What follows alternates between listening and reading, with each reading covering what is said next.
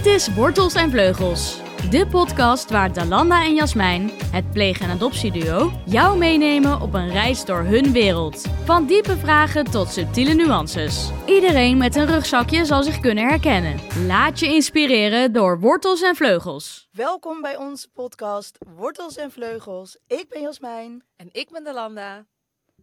Spannend hè? Ja, onze eerste podcast. super ik vind het echt zo spannend. spannend. Ja, hier hebben we echt eh, ja, weken, nou maanden, Maanden. naartoe gewerkt. ja, En eh, ja, nu is het gewoon zover. ja.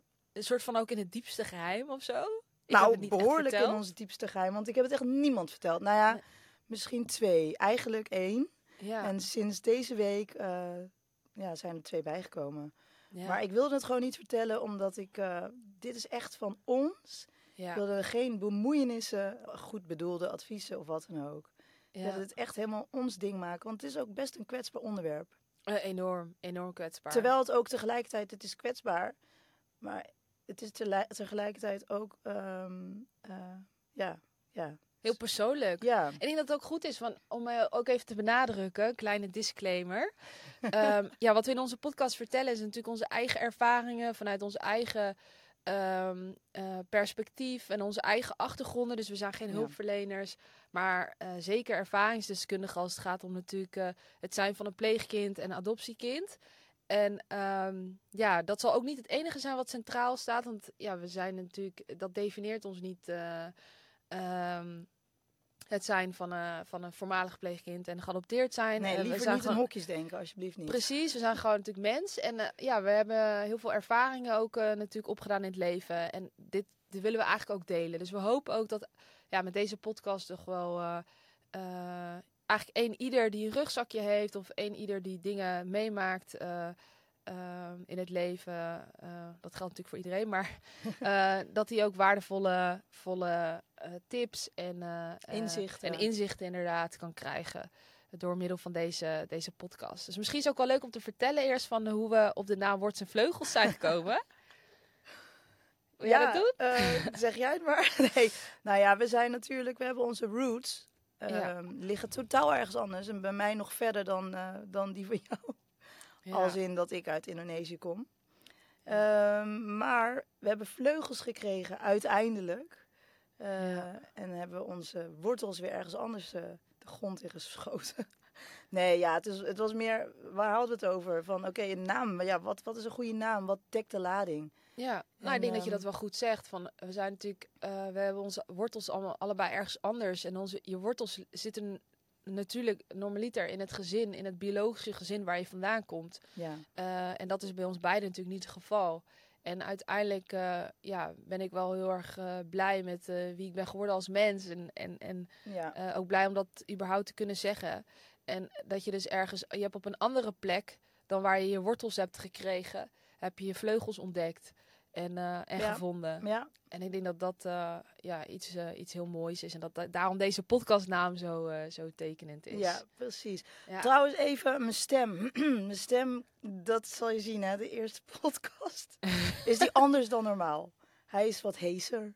Ja. Dus sorry ehm, voor mijn stem. maar ehm, Ja.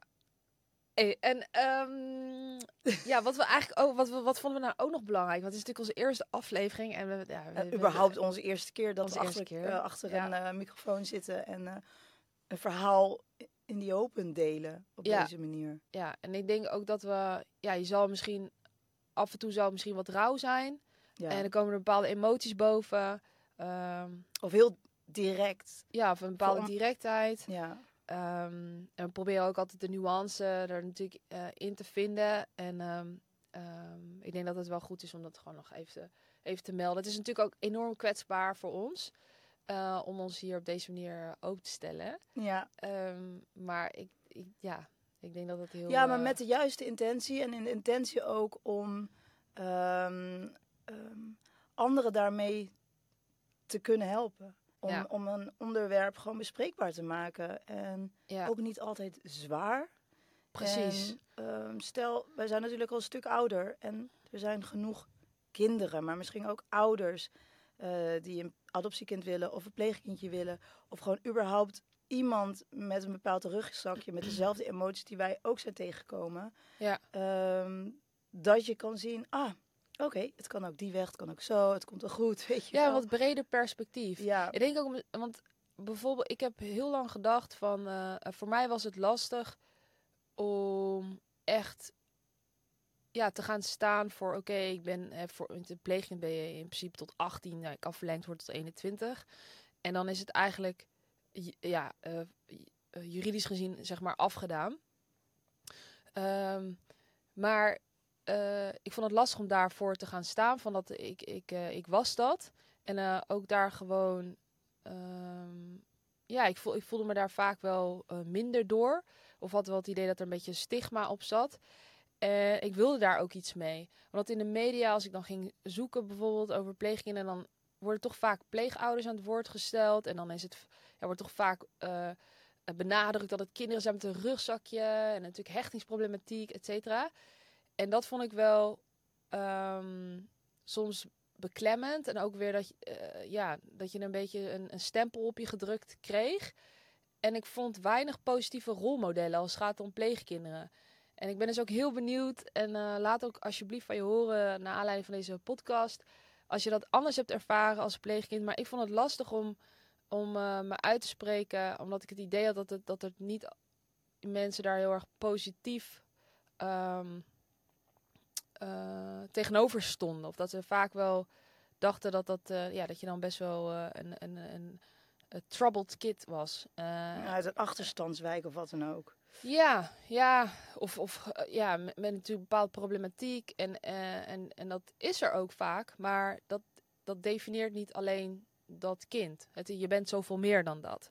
Dus ik hoop dat, ehm, ja, dat onze podcast daar ook zeker gaat bijdragen. Voor mij doet dat al. Omdat, ja, ik, ik, ik, eh, voor mijn gevoel ga ik nu staan voor ja, wie, Wie eh, jij bent. Wie ik ben. Ja, en om mij in- zelf ook in volledigheid eh, Te kunnen- accepteren, Ja, omarmen. omarmen. Ja, Ja, mooi. denk ik wel. Ja. En, ik wil ook- ja, Ja, nee. Mooi gezegd. Dat gezegd hebbende. dat is gezegd. hebben we, ja. Ja, hoe hebben wij elkaar leren kennen? Hoe ging dat ook alweer? Ja, ja, dat is ook al heel interessant. Dat was op een verjaardag van een gezamenlijke vriendin. Ja, Ehm, hier op Ibiza.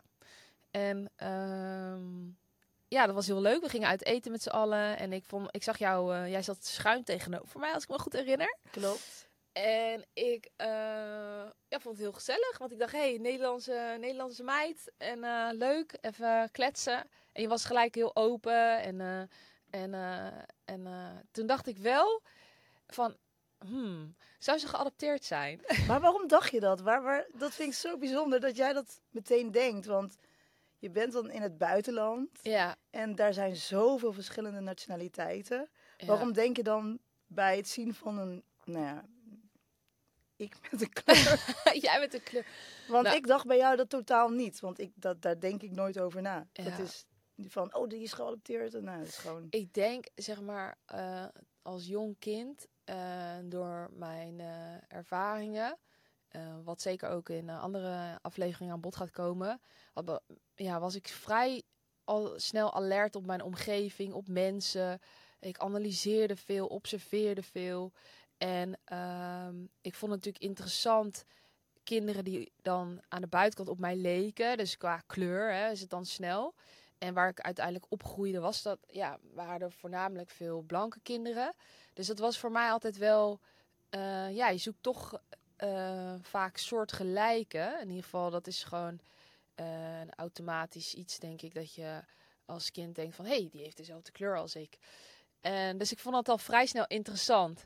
Ehm, en dan viel het mij op dat ehm, bepaalde kinderen met een kleurtje, dat die dan ook bepaalde kleding aan hadden. en op een bepaalde manier spraken. En dan kwam ik erachter dat ze geadopteerd waren. En op een gegeven moment kon ik dat een beetje, ja, echt ja, een soort van stereotypering doen. Dat is wel heel slecht, want we hebben net ook gezegd niet in hokjes denken. Maar Ik als kind deed ik dat al. En dan kreeg ik een soort van six sense daarvoor. En dan kon ik eigenlijk al daaruit pikken zo van, oké, ik denk dat die geadopteerd is. En tot nog toe, moet ik echt zeggen, heb ik het altijd juist gehad. En het komt eigenlijk doordat ja, vaak kinderen met een eh, getinte huidskleur, eh, als ze worden geadopteerd, dan worden ze vaak geadopteerd in een blank gezin. En dat heeft gewoon een ander soort cultuur dan, eh, dan, dan een gezin wat eh, gemixt is of eh, nou ja, gewoon een hele andere afkomst heeft. Dus dan wordt vaak ook die cultuur overgedragen. Dat zit hem vaak in kledij, dat zit hem vaak in de, in de, in het, in de, de uitspraak van de Nederlandse taal. En dat, ja, dat had ik bij jou ook. ik vond, je sprak, ja, eh, ben je zo'n ABN, maar een beetje uit het gooi. Nee, dat is echt waar. wel, ja. En, en, en gewoon ja, kledij. Het is een, ja, en eh, nou ja, goed, in dit geval klopte het weer. Ik weet niet eens meer wat ik aan had, maar helemaal goed. ja. ja, grappig is dat. Hé, hey, maar ehm, wat ook, eh, ik, ik wil graag eh, ook deze podcast aftrappen Ja, eh, met, een, met een quote. En ja, dat, dat, gaan we elke podcast doen, Ja, toch? gaan we elke podcast doen. Ja, zeker. Ehm, eigenlijk ook om die positieve lading eraan te geven. En de quote van, van de, onze eerste aflevering is... Het mooiste wat je kunt worden is jezelf. Ja, dat is echt ultiem. Ja, ik vond het zo'n ja, ladingdekkende quote. Ja, En ehm, ja, dat, eh, daar gaan we het voor. zegt, dat zegt het, voor iedereen. zegt het allemaal, denk ik. Ja. Ehm, ja, nou, eh, hoe het begon misschien? Ja, vertel.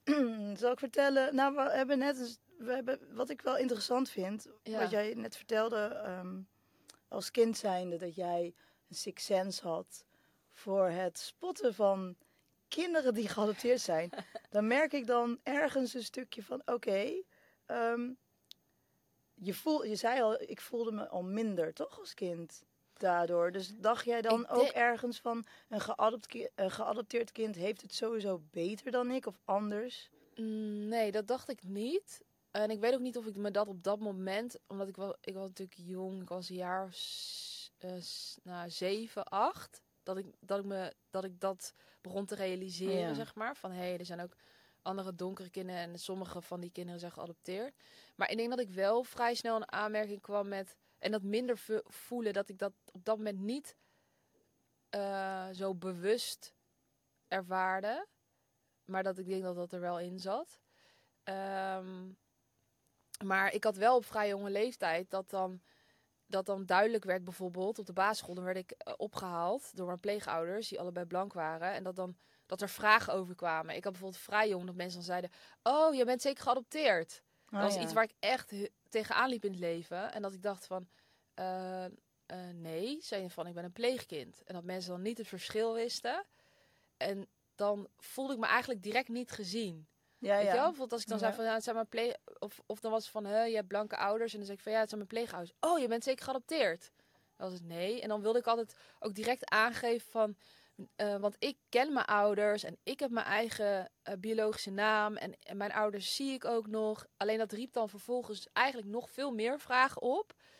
En dan voelde ik me een soort van verplicht om dat dan ook te beantwoorden. Terwijl ik dat eigenlijk niet echt altijd wilde. Of dat ik daar de behoefte aan had. Ja. Ehm, dus dat vond ik dan, ehm, dat vond ik dan soms wel, eh, wel lastig. Ja. Ja, dat kan, oep, dat kan ik me voorstellen. Ehm, ik had dat op mijn manier dan. Maar ik kreeg eigenlijk nooit de vraag bij je. Voor mij, kijk, jij was tot je zesde bij jou. ja, bij mijn biologische. Biologische ouders. Ja. Ik was drie weken oud. Ik ben geadopteerd uit Indonesië. En mijn adoptievader, Ja. ja, dat is zo grappig om altijd te zeggen, dat je voor vader en moeder, adopt, hè, de, wat is het? Adoptie. Adoptie, adoptievader. Dan Ja. snap, snappen mensen niet goed wat ik dan zeg als ik zeg mijn vader kwam me ophalen. Hè? Maar je bent toch geadopteerd? Nou ja, dus mijn adoptievader, Oh. die kwam mij ophalen in Ja. Indonesië. Mijn moeder, mijn adoptiebroeder, bleef in Nederland bij mijn zus. Mhm. Die is twee jaar ouder dan ik. En, ehm, maar ik was drie weken oud, echt heel erg jong. Ja. En hij is daar, denk ik, twee weken geweest. Ik weet het al niet eens meer. Of langer. ik heb geen idee meer. En toen zijn ze naar Nederland. Toen is mijn vader met mij naar Nederland gevlogen. Maar ik weet niet beter dat, Ja. dat, dat, dat zijn mijn ouders. Ja. En het grappige is, als kind zat ik bijvoorbeeld voor op de fiets bij mijn moeder in een stoeltje. En dan liep er een, ja, sorry, voor, ja, ik weet niet hoe je kleur mag benoemen. Maar ik zei dan als kind, toen die tijd mocht het nog, kijk mama, een bruine meneer. Ja, nou, dat is normaal. toch? Dat- ja, ik vind dat juist fijner dan dat mensen zeggen zwart, moet ik zeggen. Ja, nee, ja. Ik zei dan, kijk mama, een bruine meneer. En dan zei mijn moeder, maar jij bent ook bruin. Maar Ja. als kind zie je niet, hè, zie je kleur niet. En als jij Ja. ziet, mijn papa en mama zijn eh, blank. En mijn zus is ook blank, want mijn zus is wel het eigen kind van mijn ouders. Ja, dan eh, denk je zelf ook dat je blank bent. Ik ben al die, ik denk tot mijn eerste, ze ja, mijn zevende jaar, dus de eerste jaren, Mhm. heb ik altijd gedacht dat ik blank ben. Dat is was. ook wel interessant. Maar jij hebt dus nooit andersom ervaren dat mensen bijvoorbeeld dachten, of kinderen, van dat jij een pleegkind was, in plaats van geadopteerd. Ehm, dat weet ik niet zo heel erg goed. Ehm, het was meer als ik met ouder, ja, toen ik ouder was, kreeg ik dan wel bijvoorbeeld van ouders te horen: Ja. Oh, eh, je pleegouders. En dan Oh, zei ja. ik altijd: Huh? Dat zijn mijn adoptieouders. Daar zit, dat is anders. Maar ik heb nooit het verschil geweten tussen, tenminste, natuurlijk wist ik wel het verschil, want wij hadden ehm, ook, ook pleegkinderen in huis in de, in de vakanties. We hadden één pleegkindje, Ralf. Ja. En die was er alleen in de vakantie. Ja. En dan brachten zijn ouders hem eh, naar ons. ja. En ik weet nog dat ze staan uit te zwaaien. En dan was hij de vakanties bij ons. En Ja. hadden die ouders rust. Ja. Ja, rust, dat klinkt heel stom, want dit kindje ehm, was een heel druk kindje, kindje. Net zo druk als ik vroeger. Ja. Nee, het was een heel druk kindje. En ehm, mijn ouders die hebben totaal vier kinderen. Dus één eigen kind en drie geadopteerde kinderen. En eh, ja, en ze vonden het gewoon eh, fijn om nog meer kinderen in huis te hebben. Maar dan had je dus wel, oké, dus ja, jij had eigenlijk van dichtbij, had je dus ook de ervaring van wat een pleegkind dan eh, is. Ja, Dus dat is eigenlijk wel ja. interessant. Ik had andersom zag ik dat alleen, zeg maar, eh, op school weet ik dat er dan op de basisschool bij mij een meisje was die ook eh, geadopteerd was. Daar zag ik dan wel,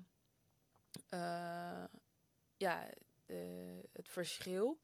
En misschien is dat ook goed om nu dan ook het verschil uit te leggen. Want er zijn denk ik heel veel mensen die niet weten wat het verschil is tussen een pleegkind en een adoptiekind. En het grootste verschil zit eigenlijk in eh, dat bij een pleegkind worden de biologische ouders nog zoveel mogelijk betrokken bij de opvoeding. Ehm, ja, waar dat dus mogelijk is. In sommige gevallen is dat eh, eh, moeilijk mogelijk, maar dat is wel het idee. En pleegkind kan je zijn voor een korte periode of voor een langere periode. Je kan opgroeien in een pleeggezin, zoals ik heb mogen ervaren. Ehm, maar je kan ook terechtkomen in een kinderthuis in Nederland. En dan ben je dus ook een pleegkind. En dat kan dus, wat ik zei, voor kort of lange duur. Ik heb, eh, eh, ja, ben een lang pleegkind geweest. Dus eh, van mijn zesde tot, tot mijn achttiende. Ehm, en het juridische verschil zit hem ook in dat je als pleegkind hebt... Ja, je dus je eigen biologische naam behoudt je. Je wordt dus ook niet juridisch erfgenaam van, van, van je pleegouders. Ehm, ja, en je ziet je eigen ouders eh, eh, vaak. Eh, in mijn geval dus ook. En, Hoe vaak zag jij je ouders per week? per maand? Ehm, ja, we hadden dan je hebt dan een bezoekregeling en dan wordt er afgesproken met je ouders. En ik zag mijn ouders één keer in de zes weken. En ik weet niet of dat... Dat was op een gegeven moment, in ieder geval vanaf het moment dat ik me herinner, zeg maar. Ja. En dat was voor mij ook afdoende, maar ehm, ja, dat hangt heel erg af van de situatie. En eh, hoe oud het kind ook is, wat de behoef- behoefte is van het kind natuurlijk ook. En nou ja. Ehm, dus dat is, dat is eigenlijk het grote verschil. En, als je geadopteerd bent, dat kun jij denk ik het beste uitleggen. Want ik wilde al gelijk eh, zeggen, maar Nou, vertel eens, hoe gaat dat? ik weet niet hoe dat gaat. Ik weet wel dat je dan echt juridisch erfgenaam wordt. ja, ja, dat ja. echt bij wet ja, je eigenlijk Klopt. ja, nieuwe ouders krijgt. Ja, Eh, en dat je dus ook die naam draagt. ja, Ehm, en dat je biologische ouders eh, niet betrokken zijn bij, Klopt. bij je opvoeding. Eh, in ieder geval althans niet verplicht of zo. nou, kijk, dit is echt ehm, lang geleden. in de jaren tachtig. Ehm, toen, Ja. nog, in de jaren tachtig... we- dat weet ik dan vanuit de verhalen. Je moeder, nou kijk, mijn moeder, die eh, was, ja, hoe zeg je dat? Mijn vader had meerdere vrouwen, Ja. of in ieder geval twee. Mhm. En mijn moeder was ehm, de tweede, dus niet, eh, ja, ja, niet erkend. En zij konden gewoon niet voor me zorgen. Dus Ja. toen zij zwanger was, heeft zij gekozen voor adoptie. Ja. En zij wilde mij dus gewoon een beter leven geven. Nou, dat is Mhm. super mooi. En ehm, toen zij hoogzwanger was, kom jij in een, ja, in een soort van ziekenhuis. Wachten totdat je echt gaat bevallen. Op het moment dat zij eh, bevalt of gaat bevallen, eh, uiteindelijk als ik ter wereld kom, mag de moeder het kindje niet zien, niet ruiken, niet aanraken, helemaal niets. Omdat ze bang zijn, ja dat is echt heel cru, dat ze gewoon bang zijn dat de moeder het kindje weer terug wil. En ik was al, ik bijna een heel rot woord gaan gebruiken, ja. ik was al gekozen. Maar het is wel heel, het is wel echt heel heftig. Ja, Als ik dat zo hoor, ook als zij zelf nu moeder zijnde, ja, denk van ja, ik begrijp zeg maar de, de, de, waarom dat gedaan wordt. Want ik weet, ik ken dat gevoel. Dat ruiken van aan je kindje, net als het geboren is. Eh, ja, het gouden uur zoals ze dat noemen. Dat je alleen met je kindje bent. En ja. ja dat, ehm, is, dat is dat haar is afgenomen en tegelijkertijd is mij dat ook afgenomen. Ja, maar, Omdat ik die hechting nooit met mijn... Je zit negen maanden in de buik. ja, Je, wordt, je gaat eruit. Eh, je, je, je, je wordt meteen nou ja, verwijderd van, de, van je veilige haven. Dat is de Ja. buik van je moeder. Je, je, ja, je herkent niks meer. En je wordt, eh, ja, de, ja, je wordt waarschijnlijk gewogen en gedaan. En eh, je wordt weggelegd in een wiegje. Of weet ik van een bedje. En de eerste keer dat er echt iemand iets komt, liefde komt tonen of aandacht komt geven... is wanneer jij, eh, nou ja, of, of iets medisch of dat je moet gaan eten, drinken... Gelukkig was mijn adoptievader al na drie weken in mijn leven. Maar dat is dan nog wel drie weken. De eerste seconden zijn het allerbelangrijkste. ja. Sowieso voor hechting, alles. En vooral direct daarna het huid-op-huid contact. Precies. Dus dat dat. eh, Ja. En weet je of dat is, is dat, geldt dat voor alle kinderen die geadopteerd Nou ja, wat ik al zeg, dat was in de jaren tachtig, was, dat zo. En eh, mijn broertjes komen uit Colombia en die waren drie maanden voordat Mhm. zij geadopteerd werden. Ze zaten net als ik wel al in een kinderthuis. Ja, Ehm, eh, ja, nee, ja, dat is eigenlijk altijd zo geweest. Tenminste, ik weet niet beter dat het in die tijd was dat gewoon zo. En ik, ja, ik weet niet hoe dat nu is. Daar heb ik me eigenlijk niet meer in verdiept. Maar ehm, maar jij zat dus je, direct na de geboorte. Want is jouw moeder bevallen in het ziekenhuis? ja, in dat ziekenhuis In dat daar, wat aan, ziekenhuis? aan het kinderhuis. En werd jij dus ja, apart genomen? ja, En toen werd je gebracht naar het kinderthuis. ja, ja, ja. Ja, dat is eigenlijk. Nou, en dan, hè, dan, dan ehm, ik weet volgens mij dat mijn ouders te, horen kregen dat er, dat er een, dat er iemand, dat er wel zwangeren zijn, zeg maar. Ja, En dan, ehm, dan ben, word je geboren, dan word je meteen gebeld en dan is het van, nou, dat is een meisje en een naam. Ik heb natuurlijk een hele andere naam gekregen dan dat ik van mijn adoptieouders eh, heb gehad. Ik ben geboren met de naam Fitri. oké. Achternaam, geen idee. Ehm, en nou ja, toen mijn vader dan in Indonesië was, dan moet hij ook naar de rechtbank. Dan word je dus daar ook juridisch, hè, dan doet de moeder afstand Ja. met getuigen. Dat gaat wel allemaal met papier en weet ik het allemaal. En dan, dan mag je het kindje gerechtigd dus meenemen naar Nederland. En ik weet dat ik een jaar lang ben ik in Nederland een pleegkind geweest.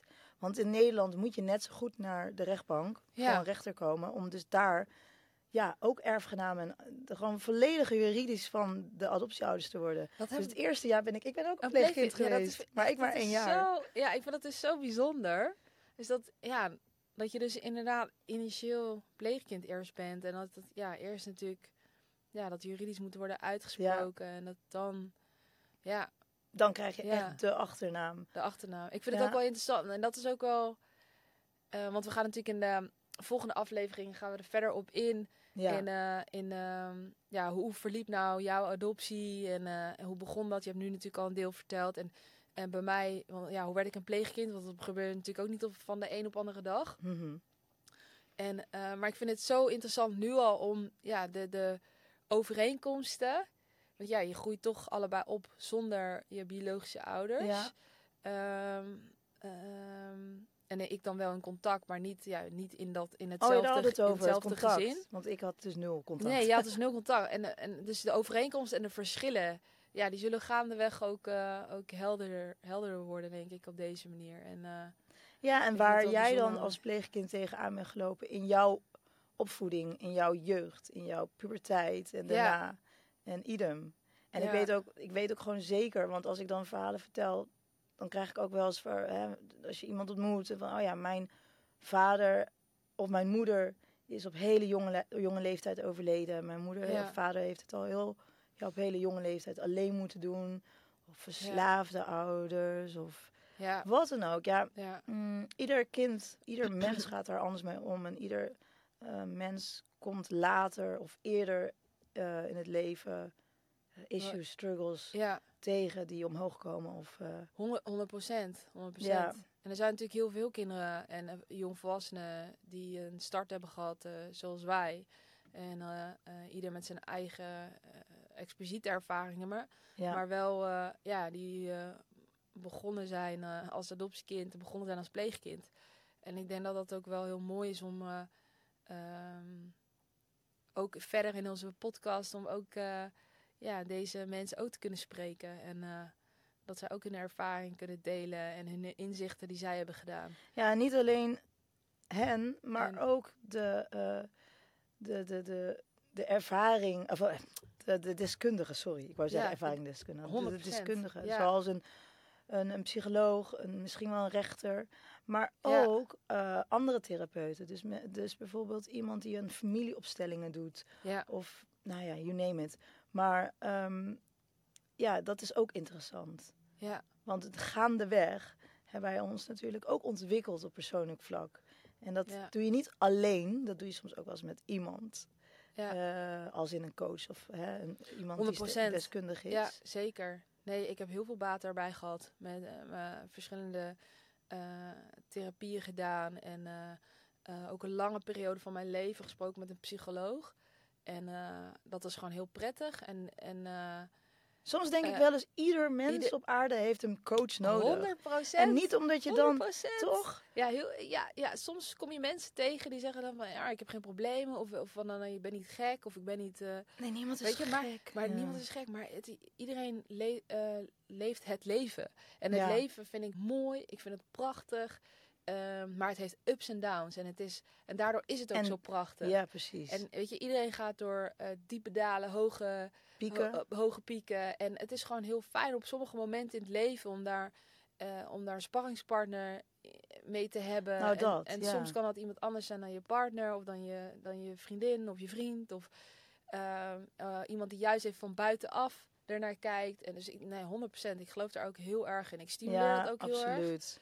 Bij andere mensen. Van, ehm, eh, ja, want, want het, weet je, iedereen worstelt met bepaalde eh, zaken in het leven. En, eh, en dat is ook heel normaal, dat is ook heel gezond. En ik denk dat het heel krachtig is als je daar alleen maar bewust van bent. En ook eh, ehm, gewoon Dat begeleiding of ja. hulp bij, Ja. bij zoekt. Ja, ni- niet raar, niet verkeerd, niet...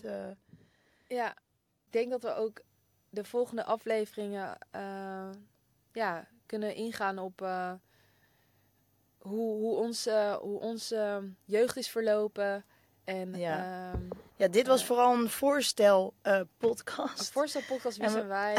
Kort, misschien moeten we nog vertellen onze hobby's. En, Nou, hey, zullen we deze podcast afsluiten, onze eerste aflevering? en we gaan hem dus altijd afsluiten Ja, met een intentie. ja. En jij hebt eh, kaarten meegenomen. Intentiekaarten, klopt dat? Of Ja. wat zijn het voor kaarten? Ja, intentiekaarten. En het leek mij heel mooi om dus de podcast te starten met eh, een quote.